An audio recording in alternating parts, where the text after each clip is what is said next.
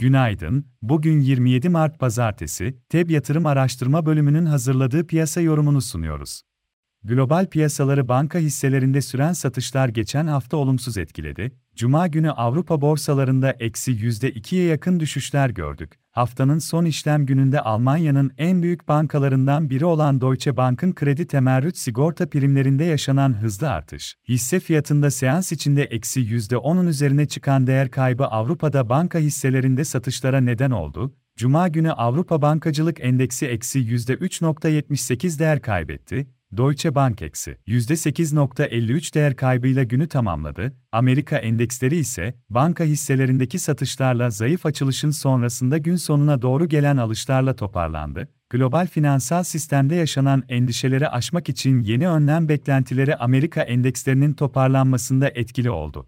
Teknoloji hisselerindeki alışlarda Amerika endekslerinde düşüşü geçen hafta sınırladı yeni haftaya yurt dışı borsaların toparlanma eğiliminde başladığını görüyoruz. Amerika ve Avrupa endeksleri haftaya başlarken vadeli tarafta yukarıda işlem görüyor. Avrupa vadelilerindeki yükseliş %1 civarında.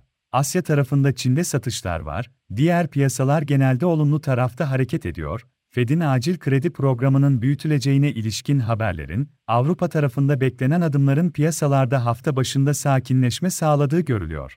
Dolar endeksi ve Amerika tahvil faizlerinde geçen hafta boyunca gözlenen geri çekilme yeni haftaya başlarken de devam ediyor. Özellikle risk iştahındaki bozulmayla devlet tahvillerine artan talebin sürdüğü görülüyor. Amerika 2 yıllık tahvil faizi 2022 Eylül'den bu yana en düşük seviyelere gevşedi. Borsa İstanbul tarafında ise geçen hafta satışlar etkili oldu. Haftanın ikinci yarısında toparlanma eğilimi görülse de BIST endeksi haftayı 5032 seviyesinde haftalık bazda eksi %2.03 değer kaybıyla tamamladı. Cuma günü endeks eksi %0.59 değer kaybetti. Borsa İstanbul'un yeni haftaya küresel piyasalarda haftaya başlarken gözlenen toparlanmaların etkisiyle yukarıda başlamasını öngörüyoruz. Endekste ilk önemli direnç olarak 50 günlük hareketli ortalama 5150 seviyelerini izliyoruz. Bu seviyenin aşılması durumunda piyasanın son iki haftadır etkili olan satış baskısından teknik olarak kısa vade için kurtulabileceği söylenebilir. Hafta başında destek olarak 5000 ve 4870 seviyeleri önemli olacak.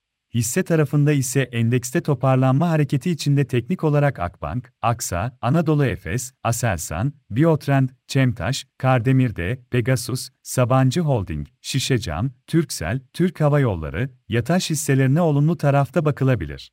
Yasaları değerlendirmeye devam edeceğiz. TEB yatırım olarak herkese iyi bir gün dileriz.